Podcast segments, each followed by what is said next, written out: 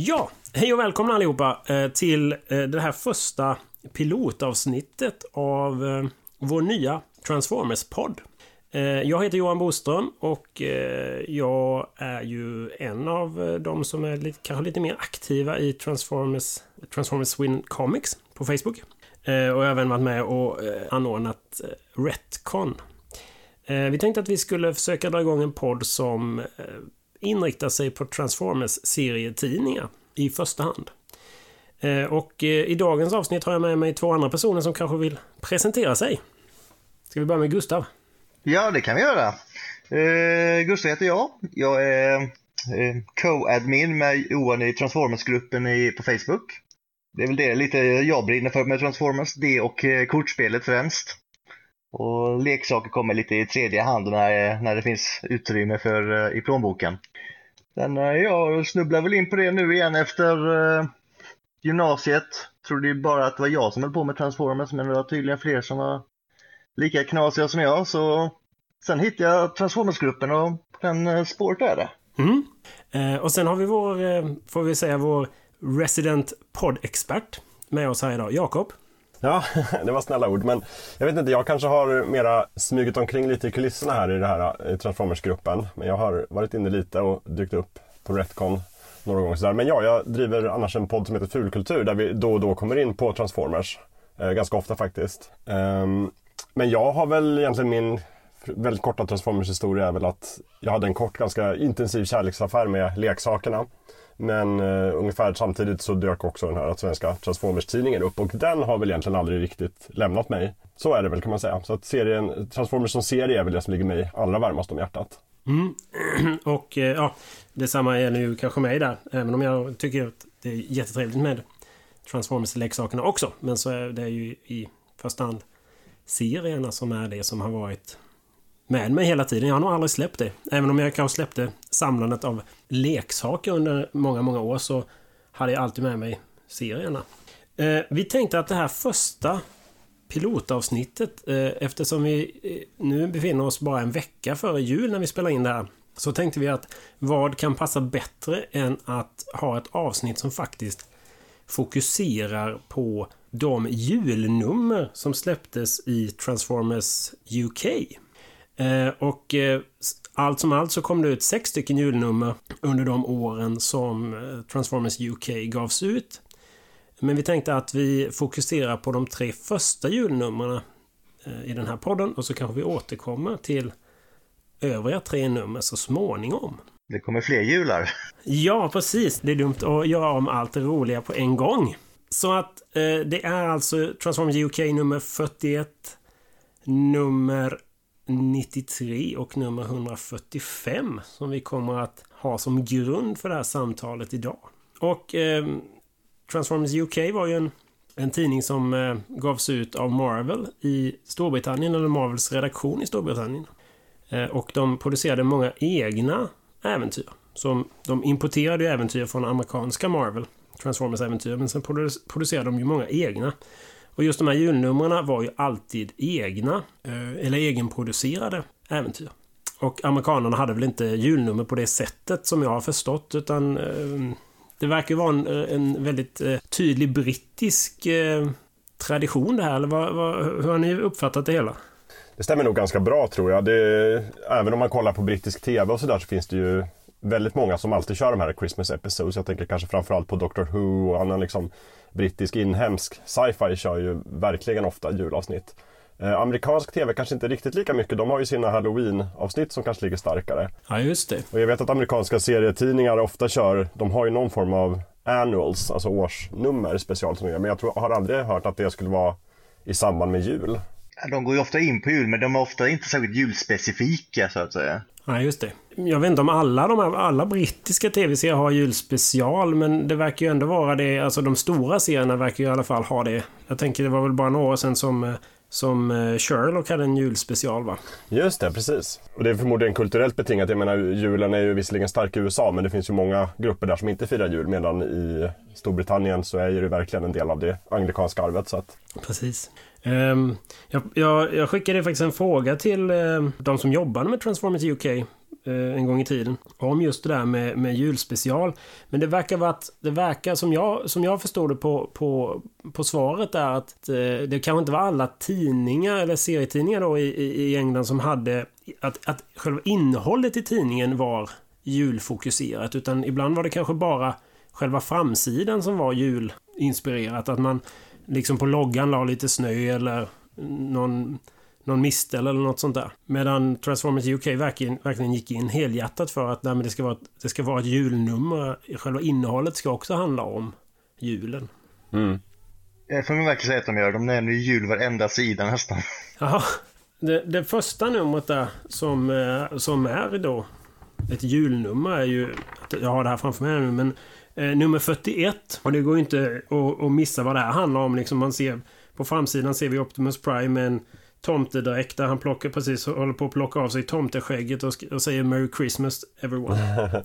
så att det, det, går ju inte att få det mycket tydligare än så. Sen handlar ju inte själva innehållet direkt mycket om... Ja, man, jag tror man får se Prime i juldräkt. Eh, de står och pyntar någon gran mest för Busters skull tror jag. Eh, in i numret. Men sen är det ju inte Prime som det handlar om i första hand. Jag undrar ju lite grann var de har fått tag på en så stor tomtedräkt. till Prime. Men de måste ha sytt den själva nästan. Ja, absolut, precis. Eh, han har inte skägg in i tidningen dock. Eh, du sa första, det är ju första julnumret för Marvel eh, Transformers UK.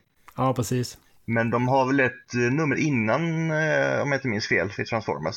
När Bumblebee hade någon egen liten episod. Som handlade om julen? Ja. Eh, det, jag kan kolla upp det här lite under tiden så ska jag komma tillbaka till den. Ja, men det, här första numret, eh, nummer 41, är ju då ett, ett, ett eh, UK-producerat nummer som, eh, in, som ja, hör och häpna, inte var skrivet av Simon Furman. Oj då. Som kanske annars är Transformers Nestor på något sätt. Så. Men det här var väl så pass tidigt. Det här rör sig ju om... Det här var väl... Eh, Transformers UK kom ju ut en gång i veckan va? Um, kanske inte i början, då kanske det var 14 dag eller sådär. Men um, när man kom fram mot december 85 som det här numret kom ut så var det ju en gång i veckan. Så det här var ju under första, första året av, eh, av Transformers UKs utgivning.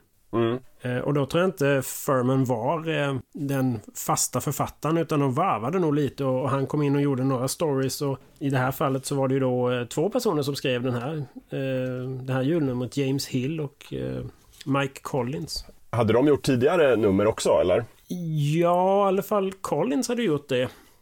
Han är väl nog mest känd tror jag som en av dem som tecknade eller ritade man of Iron som faktiskt gick på svenska också i ett av numren där. Ehm, jag minns inte vilket nummer det är exakt men eh, det kom väl ut under 89 tror jag. Ni vet vilket jag menar eller? Ja. Ja, det är det där det är en gammal transformer i på stor, brittiska landsbygden tror jag. Som de ja, hittar. precis. Är det den? Just det. Också en, en av de där liksom avstickarna som inte riktigt följde den svenska kontinuiteten riktigt utan var mer ett, ett sidospår. Ja, och, och, Så man fick försöka passa in då själv som läsare. Ja, precis. Och den, den passade inte alls in för egentligen så utspelar den sig ju under, jag tror mellan, mellan det amerikanska nummer tre och nummer fyra eller något i den stilen. Så det är ju, utspelar sig ju jätte, jättetidigt i eh, utgivningen. Men han var nog involverad i den tror jag.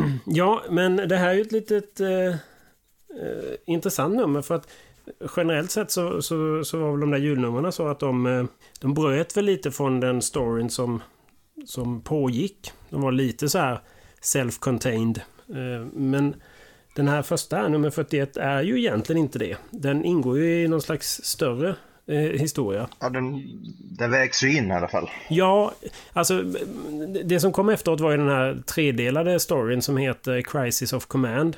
Och det här ska väl vara någon slags prolog till den storyn. Även om man kanske kan läsa den storyn utan egentligen att ha läst den här första julnumret. Ja, det här är mer lite bonus för väger in det tycker jag, fakta. Ja. För det är lite färg på tillvaron, eller säga. Uh, och för de som inte har det här numret framför sig så heter det, det här numret då Christmas Breaker. Och uh, det är ju um, Circuit Breaker då, som är en av huvudpersonerna. Som inte var en, en karaktär från, från Transformers UK egentligen, utan hon var ju hon dök ju upp i Transformers US egentligen. Det blev väldigt rörigt ganska ofta när man jämför US och UK.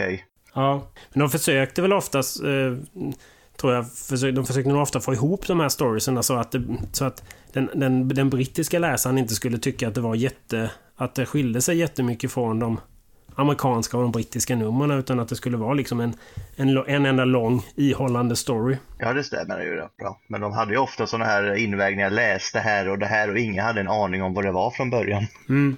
Men eh, det löste de ju till slut. Ja, man, om man rör sig sen mot slutet av, av, av, av utgåvorna, så, eller utgivningen, så då, då kändes det som att eh, de inte ens att, att de lämnade det där och inte ens försökte att få ihop det. Och jag tänker på det här i slutet av eh, Marvel UKs utgivning så höll ju Furman på med det här som kallades för Earth Force. Där, som inte alls passar in överhuvudtaget i, i, i, i den amerikanska utgivningen. Det, det, går inte att få ihop på något sätt. Nej men precis, men här, så här tidigt så när man läser det här julnumret till exempel så märker man ju verkligen att de försöker ändå foga in både det som har hänt då i de amerikanska numren Ja, precis. Även blicka framåt lite grann. Och det är väl oftast kanske så man får förhålla sig, tänker jag, om den amerikanska storyn är någon sorts huvudserie där liksom de här stora sakerna händer. Så att om man har då, behöver fylla sidor i den brittiska.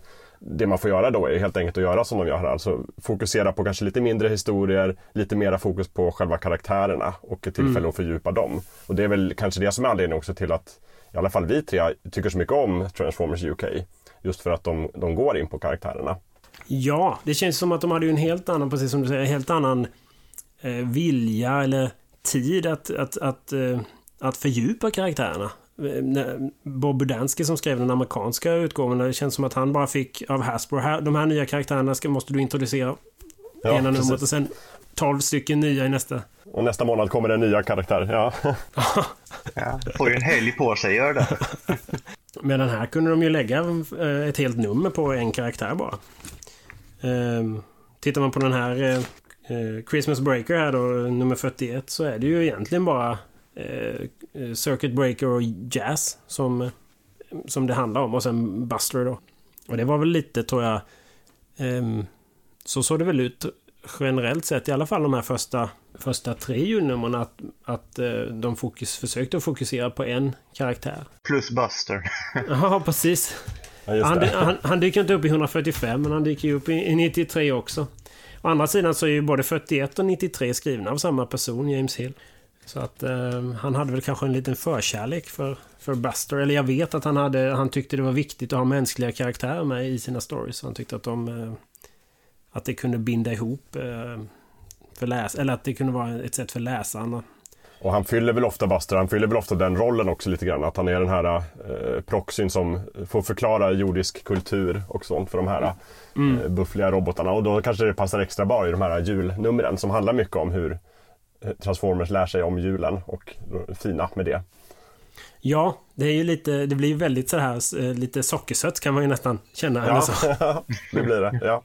Moralkakan kommer där ja. Mm. Bara du känner julens... Eh, julstämningen. Julstämningen, så då, då löser sig allt. Och då kan till och med Circuit Breaker kan tänka sig att skona en Autobot när det är jul. Ja.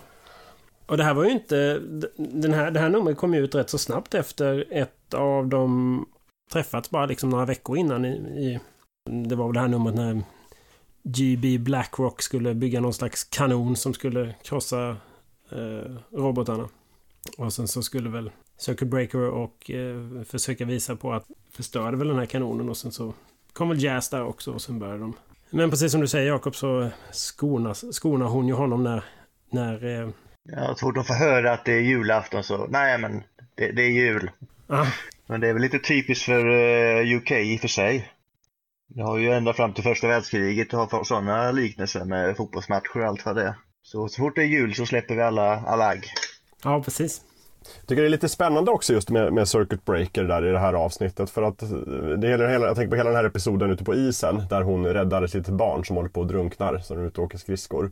Det är några barn som åker, eh, som är ute och har lite julskridskor kul. Som det ofta är i serietidningar då så är det ett litet barn som ramlar ner i en isvak och nästan drunknar. Men Circuit Breaker räddar dem. Men just att hon blir så missförstådd där. Att, eh, att människorna tror att det är hon som har legat bakom alltihopa hela tiden. Ja, precis. Det känns nästan som att det blir att eh, hon får ta den rollen som hon brukar själv ge Autobotterna. Exakt, men hon, hon, jag vet inte om hon lärde sig den läxan riktigt men det verkar inte så i alla fall om man läser senare nummer. Inte alls faktiskt. Jag får dock förstå det. Det var ganska otacksamt ändå att kasta sten på henne för den. Det får jag ändå säga. Eh, sen förstår jag inte riktigt hennes logik i att beskylla autobotterna för det, men... Eh, ja, det är, ofta, det är ju tyvärr ofta autobotterna som ser, sedermera råkar ut för hennes ilska. Och kanske inte så mycket Decepticons. Men eh, eh James Hill och Mike Collins som skrev det här, det här julnumret och, och, även de tre efterföljande numren då samman, sammantaget kallas för Crisis in Command. Jag tycker det är lite roligt med sådana där saker som, eh, som sker. Det här, det här skrevs ju 85 eller något sånt där. De kom ju ut december 85 så det kanske skrevs mm. på sommaren 85 eller något sånt där. Eh, de två var ju de första som skrev, eller som liksom tog sig an Prowl till exempel, som den här rätt så hårda eh, regelryttaren eh, som inte har så mycket till övers för, för att man ska liksom ha känslor för människor, människorna eller något sånt där. Utan att eh, det ska vara lite fyrkantigt sådär och ändamålen helga medlen och, och, och, lite, lite den stilen. Ja, han är ju han är ju skitsur på Prime i det här avsnittet om jag inte minns fel för att han ska fira jul med Buster istället för att attackera Decepticons som har problem med sin ledarstab. Ja, precis. Och, och det fortsätter ju sen i Crisis of Command där han är liksom förespråkar att de ska bygga några eh, Weapons of Mass Destruction. Som, och då kanske människorna kommer i, i kläm, men det är inte hela världen utan det viktigaste är mm. att utrota Decepticons. Eh, men det som är lite intressant är att det finns ju inte med i hans eh, karaktärsbeskrivning överhuvudtaget. Utan det var ju någonting som de, tror jag, James Hill och eh, Mike Collins kom på själva när de skrev den här berättelsen för att han var en polisbil. Ehm, jag snackade med James Hill om det och han sa att jo, men vi, vi, eh, vi baserade honom på Lieutenant Hunter från Hill Street Blues, eller Spanarna på Jaha. Hill Street som det heter på svenska. Uh, vilket är lite roligt och sen att det här att det här har ju levt vidare till vår dag för att det är just den här beskrivningen av Prowl som, som Nick Roche och James Roberts tog med sig in i i Wreckers sista strid. Ja men den har verkligen satt sig. Men det, det, passar ju också så bra någonstans. Man, alltså, en sån karaktär som är den här liksom, regelryttaren och plikten framför allt och bara vill köra på. Det, det passar ju väldigt bra i, i Transformers-gruppen på något sätt. Så att jag kan förstå varför han verkligen har, den har bitit sig fast. Ja, precis. Och det skapar ju, det, det är alltid bara så här, det skapar konflikt på något sätt om man liksom ställer honom mot Prime eller honom mot Jazz mm. eller något sånt där. Att, ja, det, det, är ju, det är ju kanske då det blir lite roligt som läsare liksom när, de, när det inte är så. Ja, han blev ju också osams med Grimlock senare också så han verkar ha en... bli osams med alla som är ledare. Men han inte blir osams med Grimlock i serien. ja, men det handlade väl lite om att han vill, eh, när han mot slutet av utgivningen, den amerikanska utgivningen, som du säger Jakob, där när han och Grimlock bråkar, så är det väl lite att Prowl vill vara den som, var, eh, som är ledaren egentligen. Ja, precis. Han kanske hade trott att det till slut skulle bli hans, hans chans. Ja, precis. Men hur skiljer sig honom? Jag tänkte du sa precis att det inte stämde med karaktärsbeskrivningen sen då. Då tänker du på de här amerikanska... Ja, precis. De här eh, bios som man kallas på engelska. Just det. Och vad är Prowl för person där då? Ja, men jag tror, alltså just den här, eh, den här fyrkantiga lite... Eh, det tror jag inte finns med alls i hans biografi. Nu, har jag inte, okay. nu är det länge sedan jag läste den, men jag tror att han i, enligt den där biografin så är han nog mer som han var i tv-serien. Tv-serien gjorde inte mycket ljud ifrån sig alls. Nej, nej, men, men jag tänker att, eh, eller som jag, som jag minns det i alla fall, så är han mycket mer ja, men en, en, en vanlig good guy helt enkelt. Men jag personligen tycker att det här är mycket roligare att läsa. Ja. En Prowl som är på det här viset. Men, ja. ja, man vill ju ha en douchebag som jag inte tycker om i goda laget också. Men om vi går tillbaka till Circuit Breakers syn på robotar där så kan man ju se ganska bra på en av sidorna när eh, man ser hennes, hur hon ser Decepticons så har man en väldigt obehaglig tecknad bild på Soundwave. Där han har borrhuvud som fingrar och hela ansiktet är förvrängt. Det är ju hur hon ser på alla robotar. Jag har inte sagt, men tecknaren av det här numret är ju Will Simpson. Som har, han, han tecknade ju jättemycket av eh, Transformers UK. Fram, alltså rätt, under en lång tid. Många, många år. Mm. Men det här var hans första nummer tror jag. Som han, eh, som han tecknade. Och han är väl lite känd för att kanske inte ha använt eh, den här Marvel-bibeln. Jag tror att när de gjorde tv-serien så, hade, så gjorde de väl Marvel, för det var ju även Marvel och Sunbow som gjorde tv-serien. Så hade de väl en sån här en bok med ja, där man såg alla karaktärerna, hur de, såg ut fram, hur de skulle se ut framifrån och bakifrån. Och så. Eh, men han verkar inte använt sig av den utan han eh, verkar ha använt sig av eh, le leksakerna eller de här instruktionerna till leksakerna istället när han tecknade sina. Det kan ju skilja sig ganska mycket åt ibland, vissa, vissa Transformers.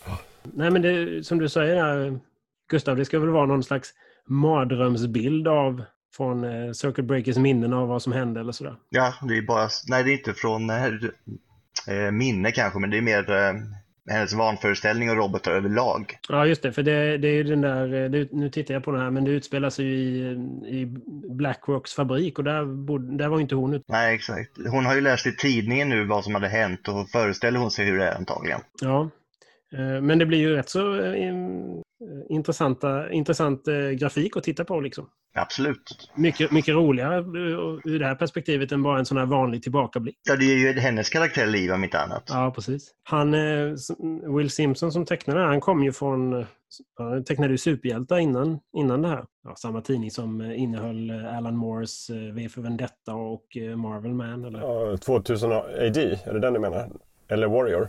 Warrior heter den ja. Så han, han hade ju tecknat lite saker i den tidningen, tidningen innan och sen la, la de ner den och då fick han väl det här jobbet. Det kanske inte var hans eh, första val egentligen, men eh, han var ju kvar där länge så han verkar ju ändå ha trivts med det. Mm. Det kanske ni vet bättre, men hur var det liksom? Alltså hur stod just Transformers-tidningen i UK i status bland tecknarna? Var det lite sådär att jobba med en eh, futtig leksaksserie liksom, eller? Som jag har förstått det när jag snackat med Simon de gånger som han har varit på, på Retcon och sådär, så de verkar ha haft en jätteskön stämning på Marvel-redaktionen mm. i Storbritannien. Att liksom, de gillar att vara där och hänga med varandra och, och umgås. Det kanske inte var så viktigt vad man, vad man tecknade eller vad man skrev. Nej. Det kanske var själva atmosfären som var... Jag vet, Simon var ju lite skeptisk när han fick uppdraget första gången, men eh, han föll in jävligt bra i det till slut. Men det var ju, jag vet inte, men det var ju ändå den tidning som sålde mest av alla i Storbritannien under mitten på 80-talet eller mm. slutet på 80-talet kanske, eh, 87 där någon gång. Det var ju så att, som sagt 200 000 exemplar i veckan eller något sånt. Så att, ja. att, att, vara tecknad på den var kanske inte något som man skakade på axlarna kring. Nej, det, det är sant. Har vi någon i paritet med hur andra sålde så vi vet ungefär hur stora det var?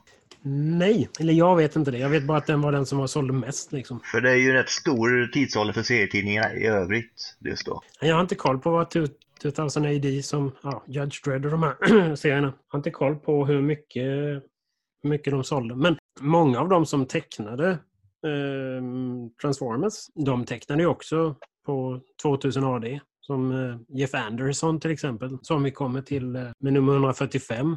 Eh, han var ju, började teckna Transformers tidigt, men han tecknade ju Judge Dredd jättetidigt också. Så att jag tänker att de, de liksom varvade väl sina, sina arbeten. Ena veckan på Transformers och nästa vecka på något annat eller så. Och med tanke på att britterna alltid haft kortare historier än amerikanerna. De, britterna har ju nästan aldrig haft 22 sidor utan det har varit 11 sidor max. Så ja. Då får man ju utrymme att uh, kunna göra fler. Jag kan också tänka mig att just som tecknare i alla fall så måste det vara ganska rolig utmaning att teckna just Transformers. Just eftersom att det är, det är lite sådär, många tecknare tror jag gillar ju att teckna maskiner och stora liksom, fordon och sånt. Och här får de det samtidigt som de måste göra robotarna eh, mänskliga på något sätt med liksom, ansiktsuttryck och personlighet. Så att jag, jag tror att det måste ha varit en ganska rolig utmaning. Ja, en utmaning var det utan tvekan. ja. ja, det kan inte vara lätt att få. Alltså, det är ändå, de är ändå rätt så det är ju ändå boxar liksom, eller lådor. Eh, och de är rätt så statiska, liksom Transformers i sig. Så att få dem levande måste ju vara rätt så... Ja, precis. Och där är det alltså min, mina personliga favorittecknare, och kanske mångas också, är ju Geoff Senior. Som gör väldigt, väldigt blockiga Transformers. Men ändå lyckas få in väldigt mycket eh, rörelser med dem och gör dem väldigt agila så att säga. Och vad heter han nu? Andrew Wildman kanske? Som verkligen fokuserar på, på ansiktsuttryck och så. De ser nästan organiska ut i ansiktet. Så det är stor skillnad på dem, men båda de lyckas ju verkligen göra någonting med det. Ja, de lyckas verkligen göra mycket med bara en mun och ett par ögon. Mm. Ja, vi har ju eh, första gången de nämner det här återkommande Jäs brukar säga, by the primal program. Ja, just det. Eh, och det är ju någonting som eh, har, har dykt upp sedan dess på, på i, som du säger Gustav, i många nummer. Det dyker ju även upp i de nutida serierna. Det blir ju nästan en catchphrase som följer med när han håller på att köra ihjäl eh, Buster där, men det blir ju bra till slut. Ja, det, det finns ju några sådana där uttryck som används lite då och då. Och Matrix-lågan är väl något sånt där som används för att, för att göra utrop och även Matrixen så småningom när den får en större roll. Jag kommer inte ihåg hur det översattes till svenska. Men... I det primära programmet? Nej, så har jag inte översatt. Hur har jag översatt det? Jag minns inte. Jag tror att det, jag måste ha översatt det till uh, Jakten på Matrixen måste det ha varit med. Vid den primära källkoden. Jag får vi börja använda oss av nästan. Men, men det här numret är inte första gången de, de säger det, eller är det det? Jag tror att det är det faktiskt. Jaha, och då, då är det alltså, skulle det vara James Hill och Mike Collins som har kommit på det? I sådana fall, ja. Eventuellt. James Hill och Mike Collins är det som har skrivit. Ja, precis. Mm. Eh, även om det bara står James Hill. Men eh, de skrev den ju ihop och sen så turades mm. de ju om att eh, James Hill fick creds för 41 och Mike Collins för 42 och James Hill för 43 och Mike Collins för 44. Även om de skrev alla fyra nummer ja. tillsammans. Ja, nej, nej, det har jag faktiskt ingen koll på men... Ja, alltså, jag har haft fel för men jag är rätt säker. 2007 var det. Har vi något mer att säga om det här numret innan vi Ja, det är ju Ratchet fick ju göra en, ett gästspel som eh, med Ratchatten. Ja, precis. Den är med i... Eh, det, det, det, sam, samlingsutgåvorna av det här så är inte de med, men det är lite roligt med de här eh, brevsidorna som Transformers UK, för deras brevsidor var ju väldigt levande på något sätt. Med många som skrev in och redaktionen svarade ju på de här breven. Det var då eh, ofta Simon Furman som svarade på dem. Men han svarade ju på dem i karaktär då. Så att mm, I de första numren av Transformers UK så var det Soundwave som svarade på alla läsarnas frågor. Eh, och sen så mm, tror jag det kanske var till och med var i det här numret eller något tidigare som han bytte, som, då bytte Soundwave ut till Rat, Ratchet istället. Och då blev det ju Ratchat. Ja, jag tror bara han är det här numret, men jag är osäker. Det kanske bara är, vi ska se, jag har inte alla framför mig, se vem det är som, är, som svarar i 93. Nej, 93 så är det Grimgrams, så då är det Grimlock som, som finns där. Jag har ju alla numren men jag har dem inte framför mig. Men, ja. Det är klart att Furman väljer Grimlock som karaktär, det är inte så konstigt. Men det är lite roligt att han svarar att, att det hela tiden att det är karaktären som svarar på, på läsarnas frågor. Sen efter Grimgram så blev det väl det Dreadwing som tog över då, något sånt där. Och sen så kommer Blaster mot slutet också. Ja, det är möjligt. Men eh, vi fick ju se det live på Retcon förra året när Furman svarade i karaktär. Ja, precis. Han svarade som, eh, som Grimlock. Ja, det, det, kan jag tycka är lite synd sådär att det inte fanns en mer levande insändarsida i den svenska tidningen. Men det fanns några gånger, va? fanns det i alla fall en insändarsida, även om de inte var liksom lika levande som den här. Men jag för mig det i alla fall. Ja, sista året tror jag de startade upp eh, eh, insändarsidor. Mm. Eh, och jag vet att Peter Torsby som är med i gruppen eh, är ju publicerad i, som en insändare och även Lars Eriksson. Och sådär. Ja, okay. så att, mm. Men det var, det var mot slutet. Det är lite synd att de inte gjorde det, att de inte gjorde det tidigare. Jag tycker det är en rolig grej liksom. Att mm, ja, verkligen. Tidningen blir mer levande på något sätt. Sådär. Ja, nej, men man kan väl sammanfatta numret med att uh, de fightas, det blir jul, alla blir vänner. Ja, alla, de, de lämnar i alla fall varandra. Och, och... Ja, just det. Hon säger ju att uh, andra gången, men det blir ingen tredje. Nej, precis. Och sen så fortsätter ju storyn då som sagt in i nummer 42, 43, 44 som är då Crisis of Command. Som är, alltså en, jag tycker den är riktigt, riktigt bra den, den storyn. Eh, Crisis of Command. Den kanske inte är den som alla tänker på när man tänker eh, Transformers UK som liksom de stora berättelserna utan då kanske det är Target 2006 eller eh, Legacy of Unicron som folk tänker på. Men jag tycker Crisis mm. of Command är en riktigt bra bubbla alltså som man borde, fler borde läsa. Om inte för att det är liksom eh, Jeff Seniors första nummer. Han tecknar ju två av dem, nummer 42 och nummer 43. Ja, just det. Och även om han kanske inte är den Jeff Senior han skulle bli lite senare så är mycket av hans kännetecken är där. Liksom. Det är, från början så är det Jeff Senior. Många tecknare brukar ju ändå få ta, det tar några nummer innan de kommer in och hitta sin stil med en karaktär eller med några karaktärer. Men han tycker han verkar ha bra koll från början. Liksom. Ja, och eh, det är väl i det arket jag känner att Optimus Prime eh, steppar fram och verkligen tar ledarrollen också kan man väl säga.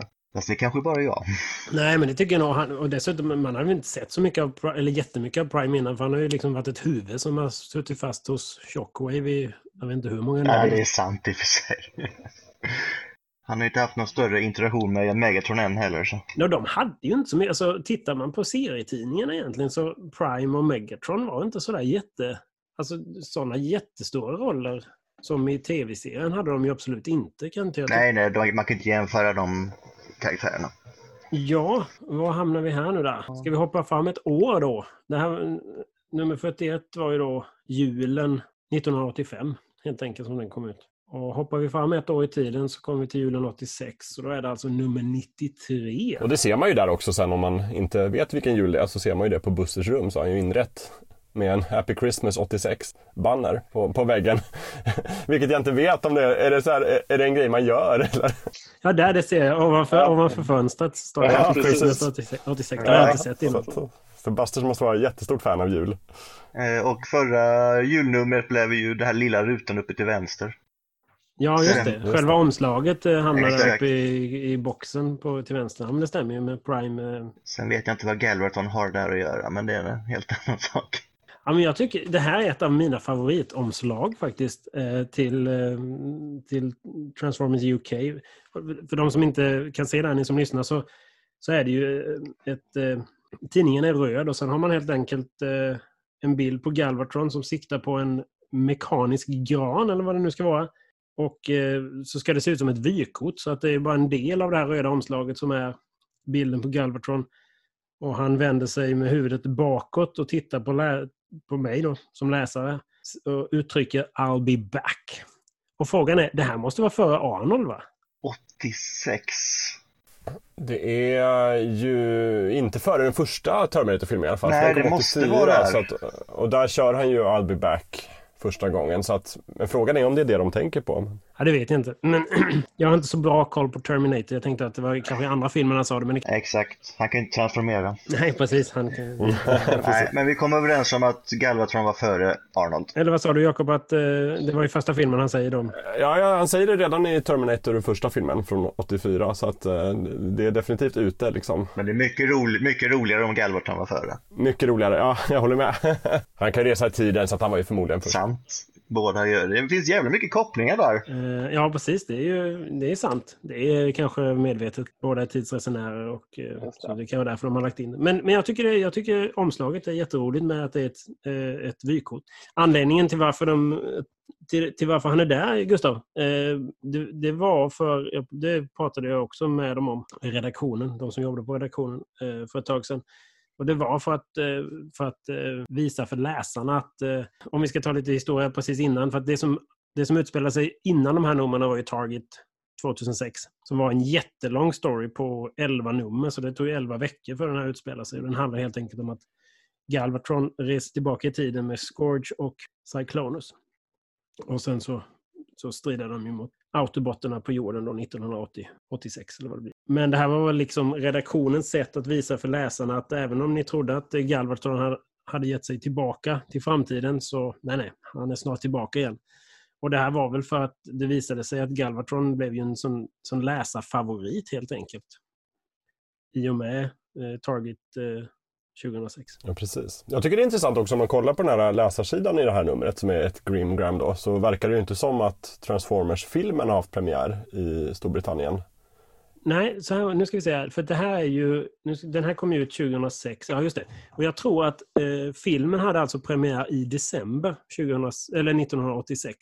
Så den var precis nära liksom. Ja, precis. Och, men de här, de här insändarsidorna, eller insändarna kom ju troligtvis före december 86. Just det, precis. Det är klart så. Men, men ändå, om den har gått i 11 nummer då, Target 2006, så är det ändå det, där man har träffat Galvatron första gången, oftast om man är brittisk läsare. Ja, det, ja, precis. Det är spännande. Ja, det här var väl liksom när just eh, Target 2006 var väl när Transformers UK verkligen kom till sin rätt eller hittade liksom sitt eget spår på något sätt. När eh, Furman och company, för då, vid den här tidpunkten hade ju Furman tagit över serien. Ja, När de verkligen kunde, han verkligen kunde säga, ja men de här karaktärerna tänker inte amerikanerna använda. Vi kan alltså använda dem hur vi vill. Ja, exakt. De får sin egen identitet eh, ungefär vid det här laget, känner jag. Ja, precis. Det liksom Cyclonus, Scourge, eh, Galvatron, Ultra Magnus och så vidare. De kunde ju liksom bara använda dem hur de ville. För att med alla de andra karaktärerna var de ju tvungna liksom att eh, komma tillbaka till något slags status quo så fort eh, äventyret var slut. Att ja, vi, måste, Mm. vi måste lämna det som vi fick det. För att det inte ska det blir någon kontinuitetskrock med amerikanerna. Men med, med Target 2006 och alla de här filmkaraktärerna så kunde de ju börja skapa sin, sin, egen, sin egen identitet. Mm. Och jag måste, det, det, är ju Target 2006. Nu, nu ska vi inte prata jättemycket om det eftersom det var julnumren det skulle handla om. Men, Vi kommer nog tillbaka till Target 2006. Ja. ja, det, det är ju en fantastisk berättelse. Alltså det är ju, jag, jag, jag tröttnar aldrig på att läsa den. Alltså det, ja.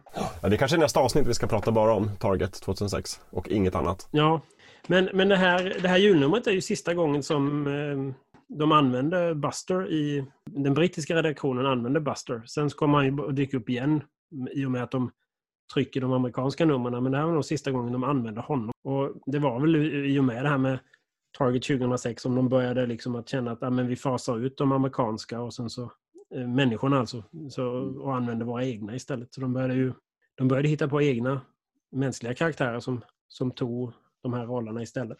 Det här julnumret är ju då Jetfire istället som är i, i huvudfokus. Även om eh, en del andra karaktärer dyker upp så är det ju i första hand eh, någon slags interaktion mellan Jetfire och Buster. Ja, han har ju en slags identitetskris han försöker få ut här. Ja, de, de kopplar ju tillbaka till det här att han är en ny, en ny robot helt enkelt. Han är ju precis skapad.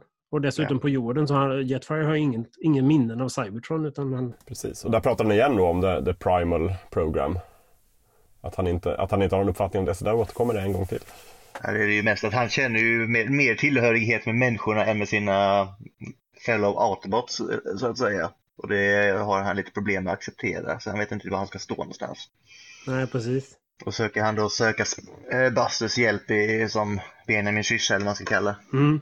Det, var, det, det förstod jag det som att det var liksom James Hills... Eh, det var en av drivkrafterna att använda Jetfire, just att han var en, en Cybertronier, eller en Transformer, men inte en Cybertronier, utan han var en jordskapad Transformer. Att det gjorde honom väldigt speciell eller sådär. Och att Mm.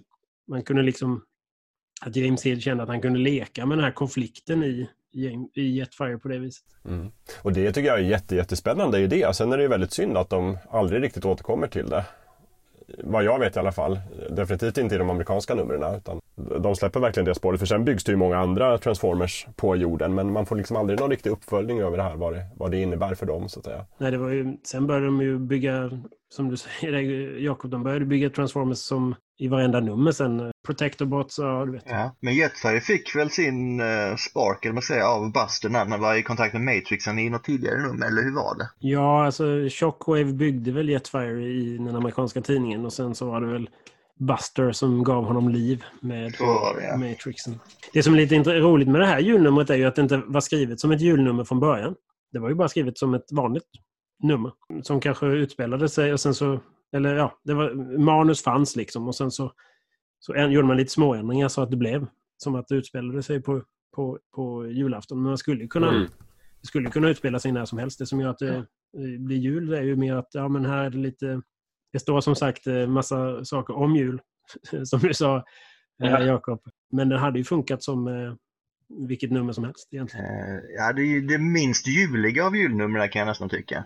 Ja, ja jag håller nog med. Jag håller med. Eh, Vem var det som skrev det här numret sa du? Ja, det var James Hill också. Han som Ja. skrev, eh, ja, som skrev nummer 41 också. Det finns några roliga detaljer i numret när han ska släcka oljeeldar med vatten och allt vad det är och lyckas med. Jag vet inte riktigt hur det går till men Ja, just det med den här vattencisternen och vad det är. Exakt. Mm. Det hade ju Simon Furman aldrig gjort. Det är ju, det är ju tecknat av en, en kille, en, han var ju jätteung vid det här tillfället, eh, Martin Griffith, som aldrig tecknade någon mer Transformers-serie efter det här numret. Vilket jag kan tycka är lite synd för att han, han visade ju jättestor potential. Måste. Ja, verkligen. Mm. Vad gjorde han mer efteråt, vet du det? Eh, han var på, eh, han gick vidare och tecknade Thundercats och Zoids och Doctor Who också. Det gick ju bra för honom ändå ju. Ja, absolut. Det var mer bara att eh, men han var duktig Transformers-tecknare måste jag säga. Med tanke på att det här var hans första nummer också dessutom. Så. Och sen dyker ju Jazz upp igen. Men det verkar mer ha varit en sån här, ett redaktörsbeslut. Så att jag är inte säker på att han var med i originalmanuset. Utan det var nog mer att de ville visa att han fortfarande var, mådde bra efter Target 2006 där Galvatron kanske inte är sådär jättesnäll mot honom. Fast han blir ju fasen räddad i varenda julnummer höll jag på att säga. Yes, men... Vad får, man, vad får man träffa Jetfire nästa gång sen då? Han slutar ju, det här numret slutar ju med att han ändå någonstans kommer till freds med att han är pro-jorden. Ja, eh, han sitter utanför Busters hus där i slutet. Jag verkar vara rätt så tillfreds som du säger, Jakob, med, med Ja. livet. Eh, men vad dyker han upp efter det här? Det här är nummer 90. Ja, han har väl någon, spelar väl någon roll i, eh, i Prey eller Villebråd eller ja, Jakten hette det ju på svenska. Ja, just det. Det kanske han gör, ja precis. Den kommer ju här efter i nummer 96, nej 97, nej 96, 97, 98, 99 så går ju de och eh, han är väl en av de robotarna som, autobottarna som hittar Prime sönderslitna kropp tror jag. Så där finns där är han med. Ja, just det. Men då är han med igen ganska snabbt därefter. För jag minns nu, nu som sagt från den svenska utgivningen så minns jag nästan bara att han dök upp igen under den här Underbasen-sagan. Och det var ju ganska långt senare. Men han är säkert med där i bakgrunden ibland då. Ja, men jag vet inte om han har några, några liksom mer framträdande roller. Det tror jag inte. Nej, inga repliker. Inte mycket i alla fall, tror jag Nej. inte. Inte vad jag kan minnas. Men det, är ju, det, blir- ju ofta sådär med, med, med just det här att uh, Bob Budansky på den amerikanska tidningen, att han var tvungen liksom att bara pressa in karaktärer. Ja men precis, sen måste han släppa dem för då är det dags att skriva om nya istället. Så. Ja, vilket gör att det blir så lite logiska luckor. Som att jag har varför använder inte Omega Supreme mer till exempel. Han är gigantisk, men ja. Ja men precis, i ett nummer så kan han stoppa nästan hela Decepticons-armén och sen är han med i bakgrunden någonstans och står och gör ingenting. Så det, är lite, det är lite intressant men, men det, det blir ju så liksom. Ja, det kan ju inte varit ett lätt jobb som Budansky hade. Liksom. Ja, men här har du, som sagt, här har du 12 nya karaktärer. De ska, de ska du introducera, du ska visa vilka de är med hjälp av tre, tre rutor dialog och så vidare. Mm. Ja, nej. Man kan väl eh, slutfatta vad heter det, Jetfires eh, med Buster att eh, Buster säger till honom att eh, du ska inte skämmas över vad, hur du känner för jorden är ju ditt hem. Och sen, eh, sen accepterar han ungefär det och beundrar ett julträd och flyger därifrån. Mm. Ja. Så han tog det ganska bra ändå tycker jag. Ja, och det här är visserligen sant. Det, det, det, det Buster säger till honom att du är den första i en ny generation av jord-transformers. Eh, och det var han ju för att som vi sa så dök det upp en jättemånga sen så småningom. Mm. Men, eh, men som du säger där Jakob, lite synd att de inte använder det för att liksom utforska vad, vad det innebär att vara en transformer skapad på jorden. Och sen är det väl också fortfarande, men vid den här tiden så är det väl fortfarande ganska vagt hur, hur Transformers faktiskt blir till. Här viftar de ju med, med Matrix-kraften på något sätt. Att den ger dem jord, men det är långt innan liksom, vi har fått eh, lära känna liksom, Primus och den här Unicron skapelseberättelsen med Cybertron och alla sådana grejer som, som Simon Furman senare skulle lägga till till mytosen. Inget av det finns ju här. Men i och med att han är ensam här så finns det ju mer utrymme att ge honom lite den här tiden och uppmärksamheten också. När det är så många sen så är det svårt att lägga många avsnitt på det. Ja, och det här var faktiskt inte första gången som James Hill använde just, just Jetfire för att han hade använt honom i eh, även den brittiska, du pratade om det innan där Jakob om eh, det här med annuals eller sådana amerikan, de amerikanska numren hade ju annuals. Det hade ju även de brittiska. Varje år kom det en hårdpärmsutgåva med lite serier och sådär. Och det var det både serier och texthistorier och lite kanske där måla din egen, färglägg din egen Transformers och sådana grejer kunde Mm. lite tävlingar eller ja, tävlingar och lekar i de här hård Pams-albumen. Men eh, 1986 års annual så fanns det en texthistoria som James Hill skrev som handlar om just eh, Jetfire. Så det här liksom, det händer någonting i den texthistorien och det här liksom blir lite den fristående fortsättningen på den. För jag tror att den, Mm. nu har jag inte läst den på länge, men den handlar också lite om att han börjar liksom tvivla lite på vem är jag egentligen? Jag är en transformer skapad på jorden. Ja, så det var ju eh, 1986 års julnummer. Och kanske ett av de mindre kända numren, men jag tycker att det är läsvärt. Och som sagt, det här blir ju någon slags... Det, det, den blir ju någon brygga mellan eh, Target 2006 och eh, Prey, Villebråd, som kommer efter. Och precis eh, under den här, eh, vad heter det, mm, man kan väl kalla den samlade storyn, om vi kallar den Villebråd eller Prey eller vad vi kallar den, men som gick från nummer 96 till nummer 104. Under den storyn så, så, så kommer ju Galvatron tillbaka och eh, infriar själva omslaget med I'll be back. Ja, ska vi hoppa vidare till det sista julnumret för idag. Jajamän. Absolut. Och det här är ju eh, det är nummer 145 då. Så att då är Ja. vi framme på december 87. Eh, och det här är det, det numret som eh, faktiskt eh, släpptes på svenska redan på 80-talet. Nej, jag kanske till och med var med i 190 faktiskt. Varken nummer 41 eller nummer 93 släpptes ju på svenska men eh, just 145 släpptes på svenska. Och den svenska redaktionen var inte alltid, som du sa innan Jakob, jättebra på att eh, ta in de brittiska numren och när de väl tog in dem så hamnade de ju lite var som helst i, i den svenska utgivningen. Ja. Kanske inte på rätt ställe men anledningen till att de tog in ett brittiskt nummer i 190 tror jag handlar om att eh, de amerikanska numren i 190, för det är nu ska vi se, det är nummer 60, har jag inte det framför mig, men jag ska se om det är nummer 62 63 eller nummer 61 och 62, något sånt där är det väl. 60-61 kanske det. Ja. Mm. Men, men, på den tiden, just då så hade ju Marvel eh, dragit ner sina serietidningar så de inte längre var 22 sidor utan bara 16 sidor eller något sånt där. Och den, den svenska utgåvan var liksom anpassad för att ge ut två stycken 22-numriga, eller två stycken 22-sidiga nummer som blev ett svenskt nummer. Mm. Eh, men nu hade, nu hade de ju bara två 16-sidiga nummer. Så då var de ju tvungna att plocka in något mer. Och då plockade de in ett, ett eh, brittiskt nummer. Och det gjorde de ju på, i, på flera andra ställen. Och då var de antar jag tvungna att liksom försöka hitta...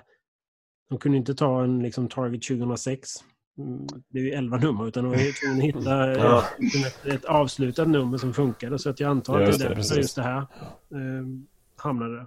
Eh, men på Precis. framsidan så har vi ju Starscream i alla fall. Som tittar mot läsaren och eh, uttrycker So what? Det är faktiskt Barry Kitson som har tecknat fram, eh, omslaget. Mm. Som är en väldigt, idag, väldigt känd superhjältetecknare. Och har varit de senaste 30 åren kanske. Eh, men inte han som har tecknat insidan utan det är ju då eh, Jeff Anderson som jag pratade om innan. Som eh, bland annat har tecknat Judge Dredd. Vad heter det här? Har du det svenska numret framför dig där Jakob? Jajamän, det har jag. Eh, på, på, eh, på, engelska heter det här numret Stargazing. Precis, på svenska heter det Stilla natt helt enkelt. Ah, okej. Okay. Ja, det tycker jag väl ändå är en ganska skön översättning. Ja, det, absolut. Det, det, det, blir väldigt svenskt. Hur, hur hade du använt den i översättning Johan? Ja, det här har vi inte, det här har vi inte gett ut än. Så att, eh... Det är bra att du säger en, det gillar jag. Så måste man, så måste man säga. min, min, min och Andreas intention är ju att ge ut så mycket som möjligt. Men, ja, men det, är, det är väl en bra översättning tycker jag. Det är en ganska bra översättning även om den verkar ju inte utspela sig på natten så mycket. Utan kanske mer på kvällen. Eller jag vet i alla fall inte. Det åker runt en buss med, med pensionärer.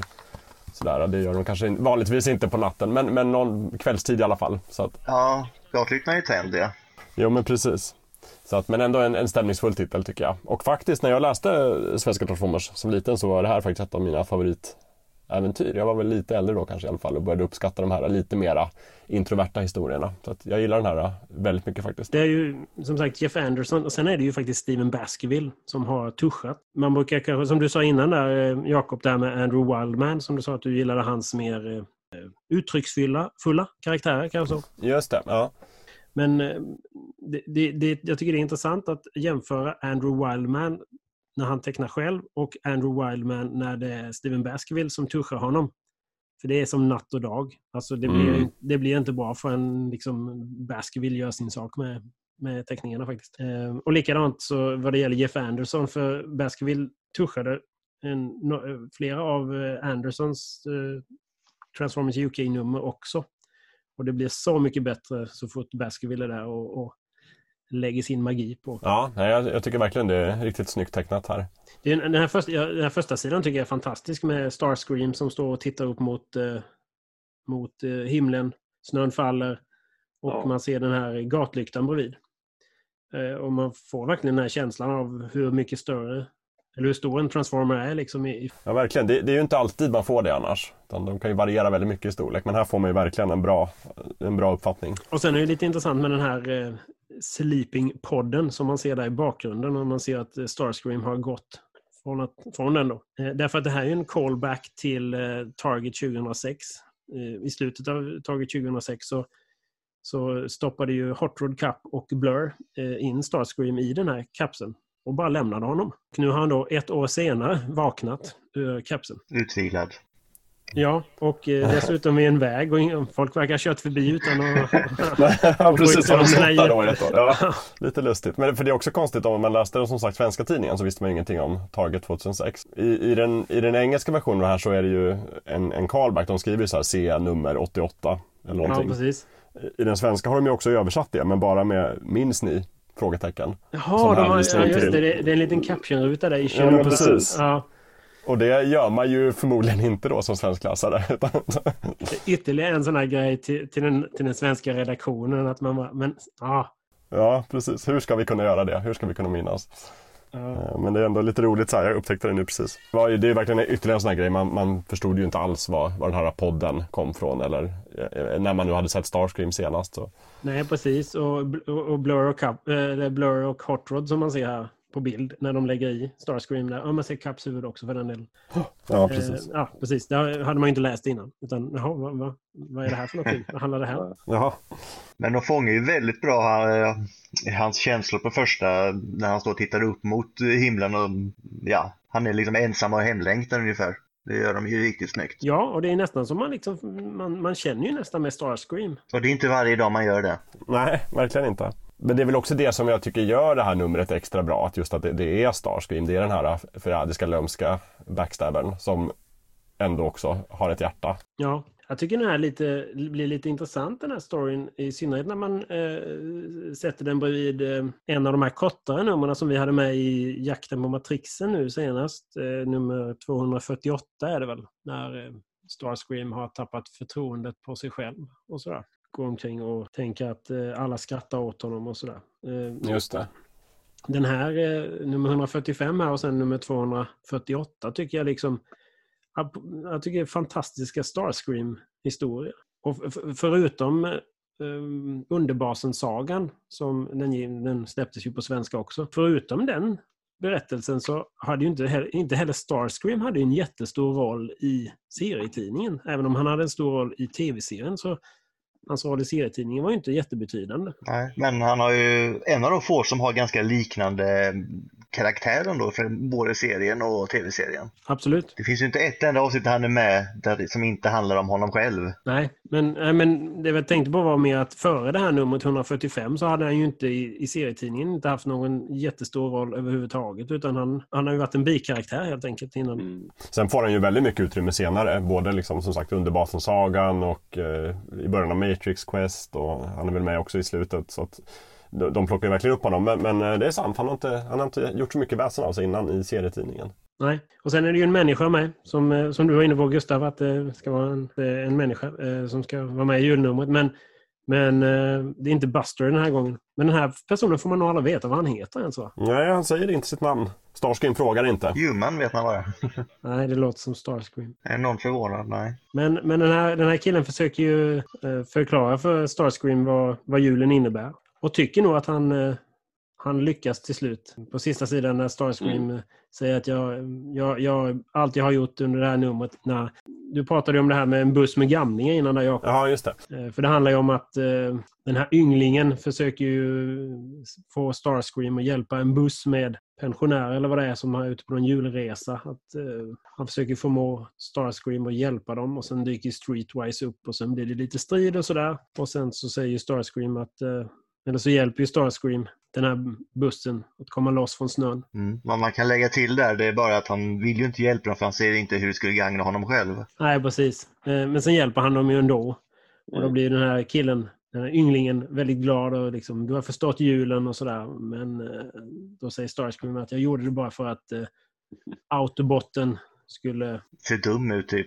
Ja, precis. Han säger ju inte Streetwise utan han kallar ju honom bara för Autobotten naturligtvis. Utan, och sen så säger väl den här ynglingen att ja, ja, god jul då. Tårfyllda ögon, den är lite vacker faktiskt. Och sen knallar Starscream iväg men vänder sig om och säger ah, god jul då grabben. Så att man tycker ändå att, eh, ja, man tycker ändå att läsaren får en känsla av att ja, men han är ändå lite snäll den där Starscream ändå. Mm. I alla fall när det är jul. Ja, precis. Det är jul. Ja. Och sen får ju, får ju Streetwise sina 15 minuter i rampljuset i, i det här numret också. Just det, men han är ju inte heller med så mycket annars. Det, det, det, det är väldigt sällan han är ensam i alla fall. Annars är han väl oftast med, med Protector Bots. Men uh, här får han ju faktiskt själv skina lite. Precis. Men om vi går tillbaka till hur eh, teckningen är där vid det här fina, mm, när han vänder sig om så ser man ju ändå att han tittar tillbaka lite så här ångestfullt. Ja, ja, men god jul då. Ja, precis. Och, ja, och det blir ju, jag tycker det blir rätt snyggt om man då liksom med just det här att man ser hans, hans ansikte, kanske lite ångerfullt, som du säger Gustav. Och sen om man då liksom bläddrar tillbaka till första sidan när han står och, och, och tittar upp mot himlen och saknar sin, sin egen planet. Mm. Det binder väl ihop det väldigt, eh, väldigt tjusigt tycker jag. Ja, Det, var, det, var, det är då inte James Hill som har skrivit det här numret, även om han skrev de två föregående julnumren. Utan det är ju eh, då Ian Rimmer. Ian Rimmer var ju eh, redaktör på, den, på Transformers-tidningen under mm, två år tror jag. Eller något sånt där. Så att det var ju Simon Furman som var författare och Ian Rimmer som var redaktör. Men just för det här numret så bytte de ju lite roller. Så då. då var det ju Simon Furman som var redaktör för det här numret och Ian Rimmer som var författaren istället. Furman var inte sådär jätte... Han skrev ju... Eh, jag tror att han har gjort plotten till det här numret, själva sammanfattningen, vad det, ska handla om ungefär. Och sen har ju Rimmer skrivit själva manus. Eh, men annars så skrev ju Furman väldigt få av de här julnumren. Jag tror att det enda han skrev var ju... Ja, han skrev 250 som är med i Jakten på Matrixen, som vi kanske kan prata om vid något annat tillfälle. Och sen så skrev han väl texthistorien i 302 tror jag också. Men eh, 41, 93, 145 och 198, de, de stora eh, julnumren skrev han ju inte utan det lämnade han ju över till någon annan. Eh, Jag hittade här nu om det här eh, första julepisoden som inte är Marvel.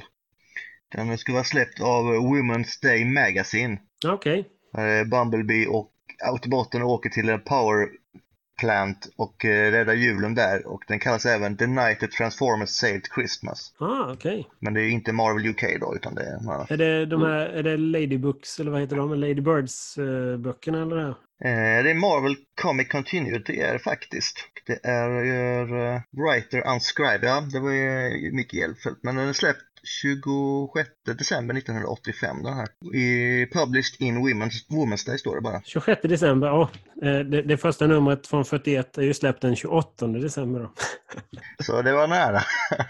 Ja, har vi något mer där och, om de här första tre numren som vi har missat och diskutera? Eller?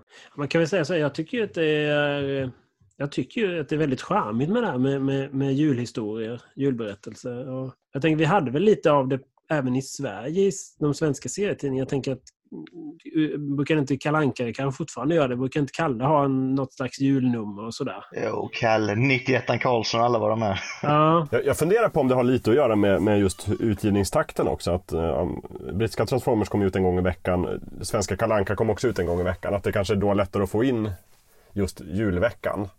Medan an, andra tidningar i Sverige kom ut månadsvis och då kanske det inte var lika vanligt. Men det, det är bara en gissning. Ja, men det, tror jag, det låter ju som en väldigt, eh, en väldigt bra gissning skulle jag vilja säga. Och dessutom har man 52 nummer så gör det inget om man viker av lite från storyn och gör någonting. Nej men precis, precis. Jag tänker att vi tar och kan avsluta för dagen. Det har varit roligt att diskutera de här julnumren med er. Absolut. Jätteroligt. Och det här blir vår, som sagt vår pilot av den här podden. Så får vi se vad, eh, vad det är vi ska prata om vid eh, nästa avsnitt. Eh, och det kan, kommer troligtvis inte bara vara vi tre som, som diskuterar eh, när vi fortsätter här utan vi förhoppningsvis kommer det in lite fler människor och vi varvar lite vilka det är som är med också, tänker jag. Och jag tänker att om vi är många som är med och gör det här så blir det större möjlighet att vi eh, producerar nummer i, eller avsnitt i, i god takt och få ut det. Och, och tänker jag också att om folk är intresserade, ni som lyssnar nu, att om jag skulle gärna vilja vara med och diskutera någonting så sk- skicka gärna in ett förslag till oss eller PM ett förslag på vad ni vill diskutera så kan man säkert bygga upp en, ett avsnitt kring de idéerna. Eh, Men vi tar väl och avslutar och tackar för oss eh, för idag så hörs vi vid ett senare tillfälle. Ha det gott allihopa! Det gör vi. Och god jul! Ha det gott. Till all are one.